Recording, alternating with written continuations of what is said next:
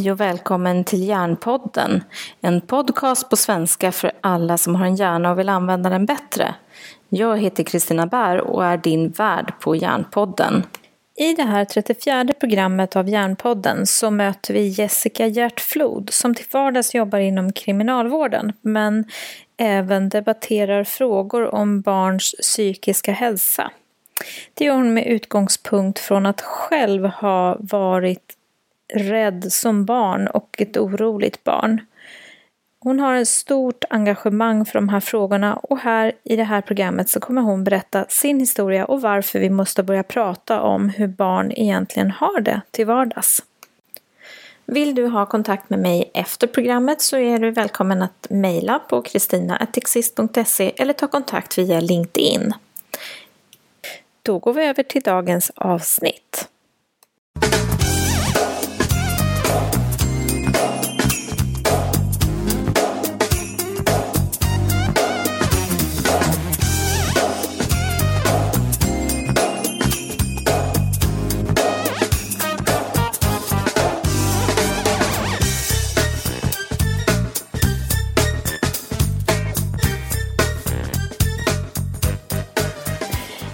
Hej och välkommen till Järnpodden. Idag har jag bjudit in Jessica Hjärtflod som jag stötte ihop med egentligen på internet för att hon skrev ett sånt fint inlägg om rädda barn. Eh, och jag är jättenyfiken på det här ämnet och därför bjöd jag in Jessica. Välkommen Jessica! Tack så mycket! Eh, vem är du? Ja, vem är jag? Eh, jag är eh, beteendevetare och kriminolog. Eh, till vardags jobbar jag på kriminalvården som frivårdsinspektör. Och jag driver företag där jag arbetar med psykisk ohälsa. Jag skriver böcker, bloggar och föreläser. Har själv diagnosen ADHD och generaliserat ångestsyndrom. Mm. Så jag tänkte just fråga dig, hur kom det sig att du började intressera dig för Rädda Barn? Ja, men det är väl att nu som vuxen ålder har jag ju, jag har liksom inte fått diagnoser och förstått förrän jag är vuxen. Eh, och eh, insåg att jag hade behövt hjälp från att jag var barn. För problemet har ju funnits hela tiden. Eh, och det fanns inte den kunskapen då. Så därför vill jag sprida den. Och sen är det också att jag ser att min dotter har likheter. Att hon eh, har lite grann samma problematik. Och jag vill liksom kunna hjälpa henne. Mm. Eh, och ofta missar vi de här barnen som är tysta och inte säger så mycket och kanske är rädda. Att vi ser inte deras rädsla för det sitter lite mer inuti. Mm, just det. det mm. att, det, att barn har också svårare att ge uttryck för vad mm. det är mm. som pågår där. Och svårt att beskriva. Man vet inte om det själv. Man känner bara massor med konstiga känslor och kan inte beskriva vad det är man känner många gånger. Och det minns jag själv så himla väl. Mm. Just det. Mm. Ehm, så om du beskriver det här med rädda barn, vad är det som kan rymmas under den hatten? Ah, alltså det är ju ett ganska brett spektrum. Man kan ju, man kan ju tänka att man är blyg eh, på ett sätt. Och sen så finns det ju barn med väldigt stark ångest. Eh, jag själv eh, led av sån här selektiv mutism så att jag pratade inte alls under mina första år i skolan. Eh, och det har jag inte förstått förrän idag att det berodde på väldigt stark ångest. Eh, och jag kan ju påminna mig om den här rädslan som många gånger kanske visar sig hos barn att de har ont i magen, ont i huvudet, inte vill gå till skolan och sådär för att de inte kan beskriva vad det är de känner. Så att det, det är väldigt svårt. Det kan visa sig på otroligt många sätt och barnen kan ha svårt att förklara. Um, så att jag tror att det, jag ja, kan ju liksom bara känna igen min egen problematik och min dotter. Men jag tänker att det finns säkert ett brett spektrum att man visar det på väldigt många olika sätt där. Mm, just det. Mm. Och, och, jag tänker också att, att det kluriga med barn är ju att deras språkutveckling eh, hindrar. Alltså vi, vi vuxna har ju oftast ett språk för även våra emotioner och känslor. Mm. Men det har ju inte barn riktigt än. Nej, precis. Och, och, det, och det gör ju att de inte kan förklara liksom hur, hur de känner eller inte ens kanske sina tankar utan det är bara känslor som bubblar runt i kroppen och de kanske inte ens vet att det är just rädsla de känner. Så att det, det är väldigt svårt att hjälpa någon när de inte liksom mm. kan sätta ord och vi inte förstår dem. Mm, just det. Och jag tänker också att, att barn när de får sitt språk eller att, att liksom på något sätt hjälpa dem att klä den Mm. här känslan med ett språk eller med en bild eller med en... Mm. Ja men precis. Vi har ju andra uttryckssätt när vi inte har fått språket riktigt. Mm. Mm. Så eh, om du tänker på din egen bakgrund Mm. och eh, vad, vad är det du känner att man behöver uppmärksamma som vuxen? Nej men det är väl de här tysta, snälla barnen som inte ställer till något besvär i skolan. Alltså som jag då i hela mitt lågstadie och mellanstadie så, så gjorde jag vad folk sa till mig och jag klarade alla prov och tester och satt tyst och satt stilla. Mm. Eh, men innerst inne så var jag ju livrädd hela tiden. Jag hade ont i magen och huvudet varje dag. Och jag var jätterädd att läraren skulle titta på mig eller jag vågade inte räcka upp handen. Och jag var rädd att bli tilltalad och ville bara dra mig undan hela tiden. Och hade svårt i lek med kompisar för att jag inte vågade ta initiativ eller inte visste vad som hände och ville ha kontroll på situationen hela tiden. Och, det har man inte som barn på en skola. Du, du har omöjligtvis kontroll vilket gör att man mår väldigt dåligt och egentligen inte vill gå till skolan. Så när ett barn inte vill gå till skolan så kan det finnas otroligt många anledningar. Jag var ju aldrig mobbad utan för mig handlade det om en rädsla. Så att det kan ju liksom det första man tänker kanske är att någon är elak mot barnet och så vidare. Men att där när ett barn inte vill gå till skolan eller har ont i huvudet eller magen varje dag så, får man nog försöka rota runt att varför är det så här liksom. Mm, just det. Mm. Och, och jag tänker nu har ju du också en ADHD Mm. eh, i det här. Hur mycket tror du det kan ha påverkat att du kände att du inte hade kontroll? Ja, du, det, det är svårt att säga liksom vad som är hönan och ägget, vad som påverkar vad och sådär. Eh, Men jag tror ju att den här ångesten eller, rädslan är ju det som skapar att jag än idag har ett väldigt stort kontrollbehov. Att jag vill exakt veta vad som händer och vilka lektioner som var och hur långa rasterna var och vad som ska hända på lektioner. Annars så blev jag osäker och nervös och fick ont i magen och eh, ville gå hem eller sådär. Mm. Men, Eh. men det är ju egentligen någonting som alla barn behöver. Mm, Den här ja. strukturen och förutsägbarheten. Ja, absolut. Och vissa vill ha det mer än andra. Vissa tar det som det kommer och vissa vill veta liksom exakt uh, hur det ska vara. Och jag kanske var mer så att jag millimeternoga ville veta hur man, eh, hur man skulle göra. Detsamma som min dotter. Hon ville inte gå till skolan en dag när de skulle läsa upp engelska för klassen. För hon visste inte om hon skulle stå vid sin bänk eller om, om hon skulle stå framme vid katedern. Ja, ja, liksom, Bara en, en sån liten osäkerhetsgrej kan göra att man liksom stannar till och inte klarar av att göra det alls. Just det. att, eh, för jag tänker att det, och det är det som är det svåra med ångest och rädsla. Att alla kan känna igen sig i det. Men de som lider av det har ju det dubbelt så mycket liksom. Mm, just det. Eh, och då, jag tänker också att det här med rädsla hos barn är ju någonting som vi inte pratar särskilt mycket om. Och det är också anledningen till att jag vill bjuda in dig. Mm, Eh, utifrån ditt blogginlägg där om rädda barn. mm, Eh, därför jag känner någonstans att vi pratar inte om de små barnen. För vi har svårt att föreställa sig vad som kan pågå där. Ja, precis. Och jag tror att det är jätte... Jag tror att det är också därför jag inte fick hjälp som barn. För att min eh, mamma, om jag kom hem och grät efter skolan som jag gjorde många gånger eller jag inte ville gå dit. Alltså då ringde hon väl fröken och frågade är någon dum mot henne? Händer det någonting? Eller nej men hon har kompisar, nej men hon leker här, nej men hon klarar sig. Alltså det fanns ju inga fel. Nej. Utan det satt ju i mig att jag ständigt var rädd. Jag var rädd för att inte hinna in på rasten eller när det ringer ut. Eller liksom allting jag inte kunde kontrollera gjorde ont. Och då, ibland kan jag bli så trött att jag kommer hem och gråter efter skolan. Och då är ju det liksom lätt, eller ja, naturligaste förklaringen att någon har varit dum mot mig. Men så var det ju inte. Och jag kunde själv inte säga eller beskriva vad det var. För jag visste inte. Jag visste inte. Om någon frågar vad det är som har hänt. Mm. Det har ju inte hänt någonting. Och jag tänker också den här anspänningen som man går omkring med hela tiden när man är rädd. Ja. Eh, för jag tänker rädsla sätter ju igång en hel del processer om vi nu ska ta in hjärnan i det här. Det sätter ju igång en kaskad ifrån eh, våran reptilhjärna av stresshormoner som gör att vi spänner musklerna, vi, vi är i beredskapsläge, vi, alla intryck förstärks för att vi ska vara säkra på att kunna fly i tid. Eh, och det är klart att när man väl får lämna den miljön där man är rädd då blir det ju också en, en lättnad att Ja, inte vara där.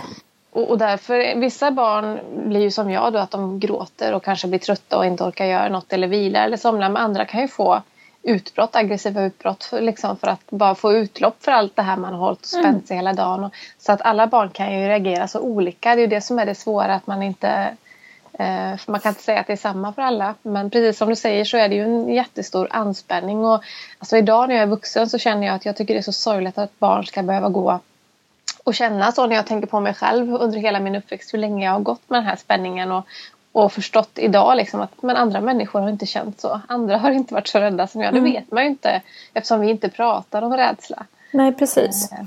Och jag hade med Ingmarie Wieselgren i ett tidigare program och pratade om det här med första linjen mm. för psykisk hälsa.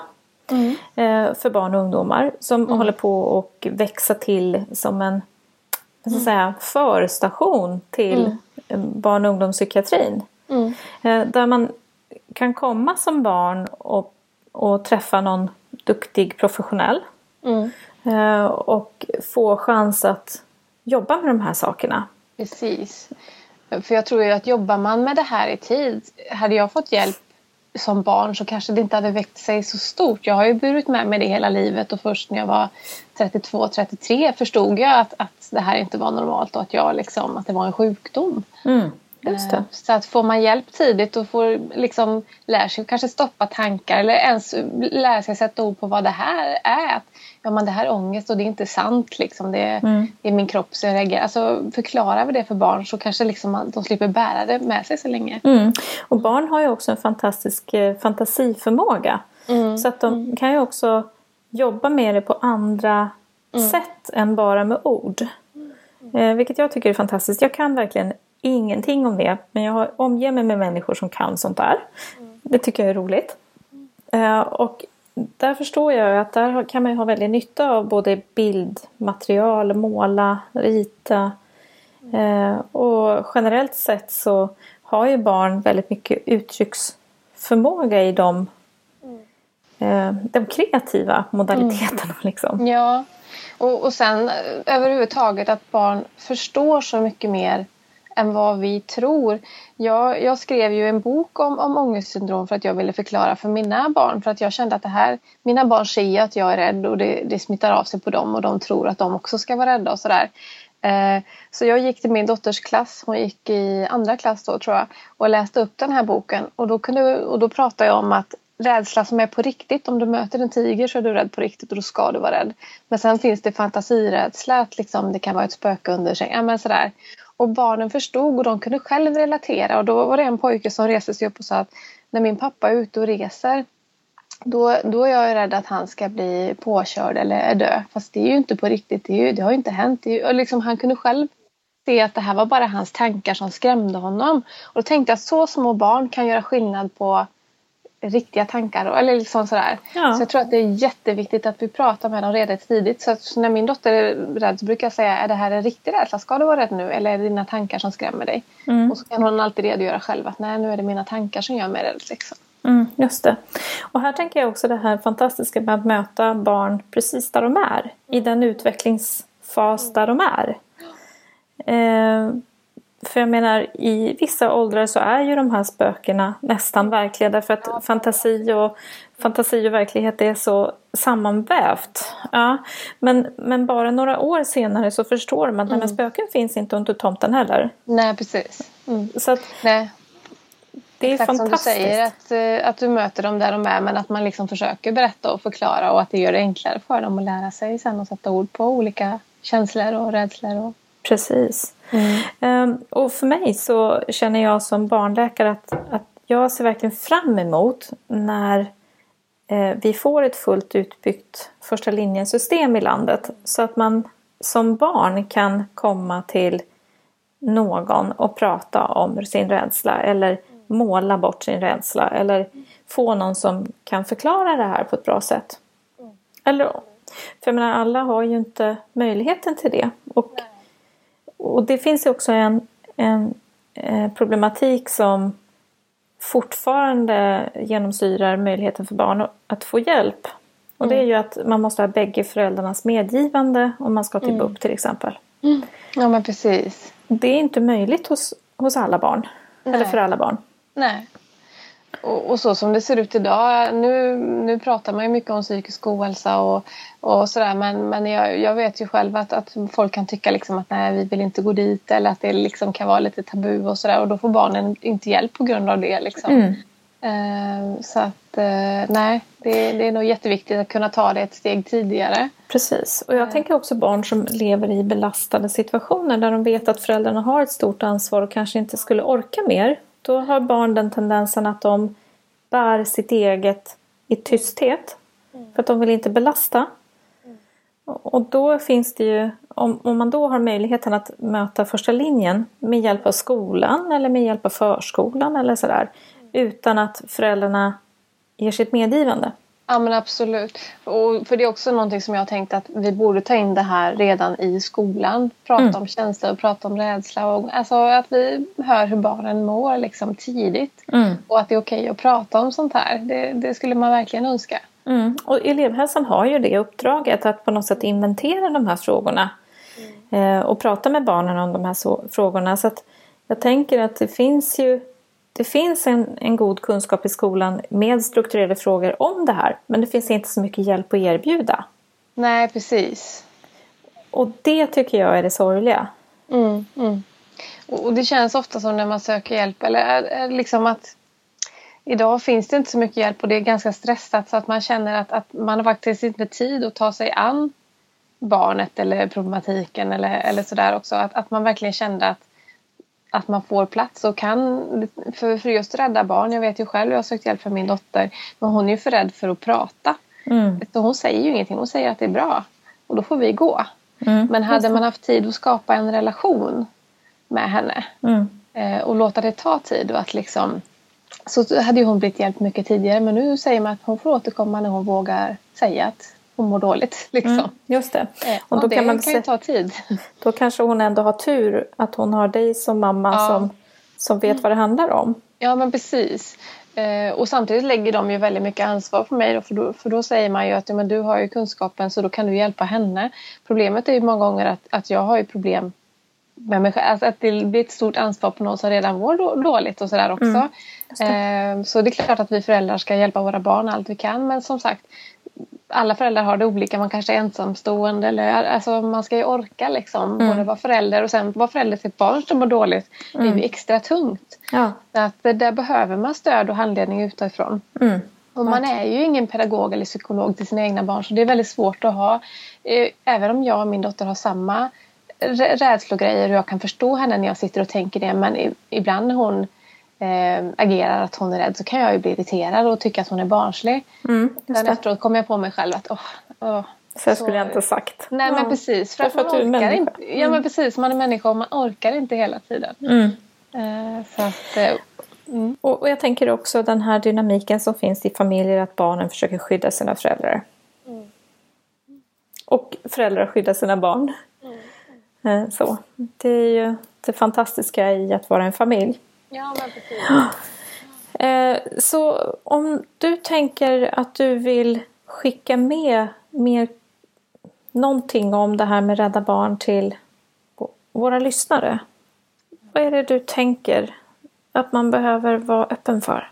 Ja, men först och främst så tänker jag att har man ett barn som inte vill gå till skolan eller man har ont i magen eller ont i huvudet och så här och, och man inte hittar ett fel. Att de är inte retade och de har bra vänner och sådär. Så skulle man kunna tänka sig att det skulle kunna vara så att de känner oro eller stress över olika saker.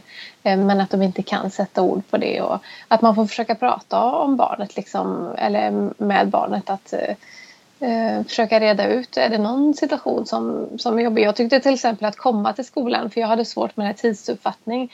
Så en gång var jag för tidig och då fick jag så ont i magen att jag gick hem för att jag blev mm. jättestressad. Och att det kan vara så här små grejer som stressar barnet som att om vi förklarar så, så går det över. Så att, eh, och jag vet, alltså det är så svårt att ge råd eftersom det kan se så olika ut. Men mm. att verkligen föra diskussioner och undersöka, alltså vara en liten detektiv och se att jag hur, hur är lunchrasterna och vad händer och liksom mm.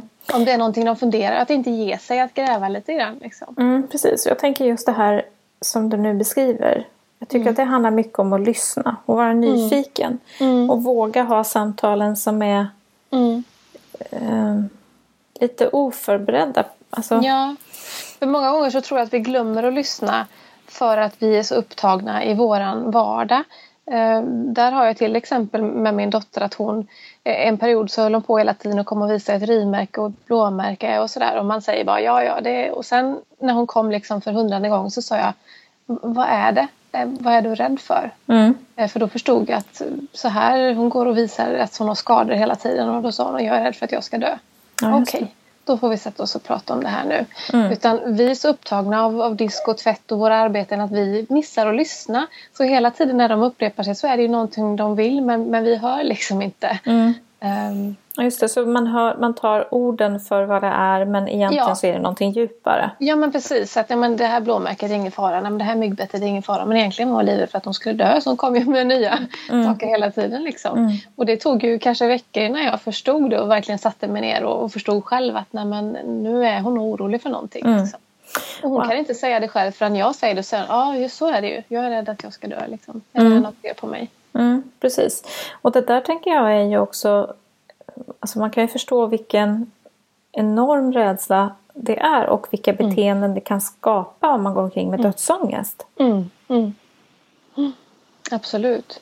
Och som tur är, vi pratar ju väldigt mycket om sånt här. Här hemma är det ju ganska naturligt. Vi pratar ju om allting. Så fort man är rädd eh, så, så säger man det. Min dotter hade hört någonting nu när hon är tio år och kollar på Youtube eller någonting att tar man tabletter så kan man dö.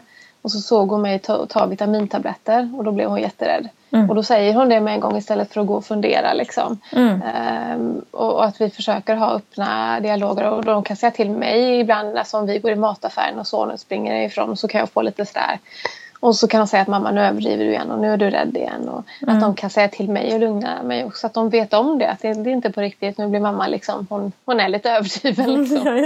Ja. Ehm, så att vi kan dämpa varandra och tala om för varandra att är, är det här riktigt? Ska jag vara rädd nu liksom? Mm. Det är en väldigt bra dialog tycker jag. Ja, är, det här, är det här låtsastankar eller är det riktigt? Ja men precis. Mm. Mm. För det är klart att, att tappar man bort sina barn i affären på riktigt, då blir man ju rädd på riktigt. Absolut, ja Mm. precis. Men ofta så har han gått med pappan då. Då blir jag rädd för att jag inte har kontroll fast Ja. pappa har kontroll. Liksom. Precis, och då kan de exakt. säga till mig att mamma nu, nu är det inte på riktigt. Nej. liksom. Så att vi, vi har väldigt sådana goda samtal och försöker. Och det är också för att jag vill förebygga. Jag vill inte att hon ska hamna där. Mm. Gå hela livet som jag har gjort. Utan jag vill liksom att det ska Mm. stoppas i tid. Då. Jag har, har en sån här bild. Jag fick en, en bild en gång när vi satt och pratade om det här med rädsla. Mm. Att rädsla eh, finns ju så länge man inte tar fram det som man är rädd för i ljuset. Mm. Men så fort man tänder lampan på det, Mm. då försvinner det på något sätt. Mm. Och det tycker jag är det som du beskriver så fint. Att man liksom Mm. tar upp det och tittar på det. Ja, men är det riktigt eller inte? Mm, precis. Och, och det är väl det som jag känner nu att jag får ju frågan många gånger av, av, av personer som följer min blogg eller har sett mig på, i olika sammanhang att men hur gör du och hur vågar du stå här och hur vågar du få upp en? Och, och jag, jag bestämde mig för, för att rädslan har hindrat mig många gånger i mitt liv. Så en dag för väldigt många år sedan, det är nog 10-15 år sedan, bestämde jag mig att så fort jag är rädd så ska jag bara gå emot det. Mm. Jag ska inte låta någonting, oavsett hur rädd jag var så skulle jag bara göra det. Mm. Och jag tror att det, det är det som har hjälpt mig. Att är jag rädd för någonting så, så jag säger sakerna, jag gör dem. För att jag, jag orkar inte gå och vara rädd hela tiden. Och sen är jag rädd ändå. Men att som du säger så, så spricker det lite grann när jag kommer ut med det. Det blir inte lika farligt liksom. Mm. Eh, Så att eh, det, det gör ont men jag tror att man måste ta den kampen för annars stänger man in sig och förminskas liksom. Mm. Och det finns också en annan forskning som visar just det här på, på rädsla. Man har, har lagt in människor i sån här MR-kamera och tittat på vad som händer när man blir rädd. Av, då har de visat olika bilder på otäcka ormar och läskiga grejer. Eh, men om man då inte får, tillåts prata i MR-kameran så signalerar just reptilhjärnan ganska starkt. Mm. Men om man får sätta namn på det man ser Mm. på sin rädsla eller sin avsky inför svältande barn eller vad det nu kan handla Mm. om som då väcker den här reaktionen. Då lugnar sig reptilhjärnan direkt. Mm. Precis. Och då tänker jag att det här är ju faktiskt ett, ett verktyg vi har med språket. Mm. Ja, precis. För på samma sätt så som du säger så, så brukar jag jobba med mig själv. Alltså jag har haft väldigt problem när barnen ska gå själv till skolan. Och, mm. och när de går då kan jag säga till mig själv nu är du rädd att de ska bli påkörda och du är rädd att de ska bli kidnappade. Och du, ja, mm. Fast du kan inte hantera det för en del. Eller sådär. Och, mm. och då, ja, då, går det över. Liksom. Ja, precis. Det lugnar mm. ner sig. Liksom. Mm. Eh, att prata för sig själv och liksom inte försöka trycka ner det här utan liksom, ja, nu är rädslan här. Mm. Välkommen liksom. Just det. Mm. mm. Och jag läste också någon annanstans att det här är ju faktiskt det som är nackdelen med att vara människa och ha ett språk. Mm. För vi kan ju mm. hitta på så mycket strunt i mm. våra hjärnor. Ja men precis. Och, och, det mesta när man går med ångestsyndrom som, som jag gör då det är ju rädslor som inte är sant överhuvudtaget. Det är ju bara, man är ju bara rädd för framtiden och saker som egentligen aldrig inträffar. Det är det som kan göra en så förbannad att, att det här ska förmörka mitt liv när det inte ens är sant. Mm. Det är ju en sak om jag går och är orolig för att jag faktiskt inte har pengar eller om det är mögel i huset eller mitt barn är sjukt. Mm. Men, men nu när allting är bra så ska man ju liksom släppa det. Mm. Och njuta lite av livet ja, kanske njuta lite. Ja. Men det gör man inte då liksom. Nej, just det. Att, uh, uh. Så om vi ska sammanfatta lite om det här med rädda barn. Eh, mm. Eh, att det är ett mörkertal om mm, detta. Absolut. Vi vet inte hur många barn det Nej. rör sig om. Nej. Men vi ser på sökningarna till första linjen, de som har öppnat, att det är en ganska stor del av barnen som är rädda som söker. Och de andra är ledsna, eh, kan man säga. Och sen är det då en, en hel del också som, som har outredda eh, neuropsykiatriska svårigheter kanske som, som gör att det blir en ökad belastning. Därför man har inte möjligheterna att uppfylla de krav som omgivningen ställer. Nej, precis. Mm. Och att det är jätteviktigt, tänker jag, som, som förälder eller som när, den som är nära barnet att faktiskt undersöka lite grann. Liksom att, att lyssna, att någon gång sätta sig ner verkligen, eller analysera sig själv. Att vad är det den säger? Vad kan det här betyda? Vad beror det på? Liksom, mm. Att verkligen sätta sig ner och, och fundera tillsammans. Mm. Det. Mm. Prata. Precis, så lyssnandet är en stor mm. del och också lyssna under ytan. Mm, precis. Mm. Jättebra. Om man vill få kontakt med dig efter det här avsnittet, mm. var vänder man sig då? Jag har ju en hemsida, nestorförlag.se. Mm. Eh, och där hittar man ett kontaktformulär eller mitt mail. Mm. Eh, jag finns även på Nestor förlag på Facebook och Twitter och Instagram. Mm, perfekt. Eh, så att det går att finna mig lite överallt. Man kan mm. säkert googla namnet så kommer det upp kontakt också. Ja men att, eh, perfekt. Mm. Jättebra. Jag lägger lite länkar på poddens sida som vanligt så att man kan mm. hitta eh, om man går in på iTunes eller Acast eller vad man nu hittar så eh, kan man klicka sig fram till dig. Mm, Tusen mm. tack Jessica för att ja. du ville vara med i podden och mm. berätta mm. så öppenhjärtligt om ja. din, ditt intresse att, för det här. Jag är glad att få vara med och få prata om det. Hoppas att vi gör det bättre för framtidens barn. Mm, samma här. Det mm. vore ju fantastiskt om vi kan göra någon skillnad. Ja, absolut. Mm. Tusen tack. Tack så jättemycket. Tack. Hej. Du har lyssnat på det 34 avsnittet av Järnpodden och intervjun var med Jessica Hjärtflod. Och henne hittar du lättast genom att söka upp Nestor förlag på Google eller på Facebook. Eller direkt eh, nestorforlag.se. Vill du ha kontakt med mig så får du lättast kontakt genom att mejla direkt på kristina.exist.se eller kontakta mig via LinkedIn. Om du har kommentarer eller frågor om programmet så är du jättevälkommen att ställa frågorna på Facebook-sidan eller direkt på eh, hemsidan där programmen också läggs, läggs ut på exist.se.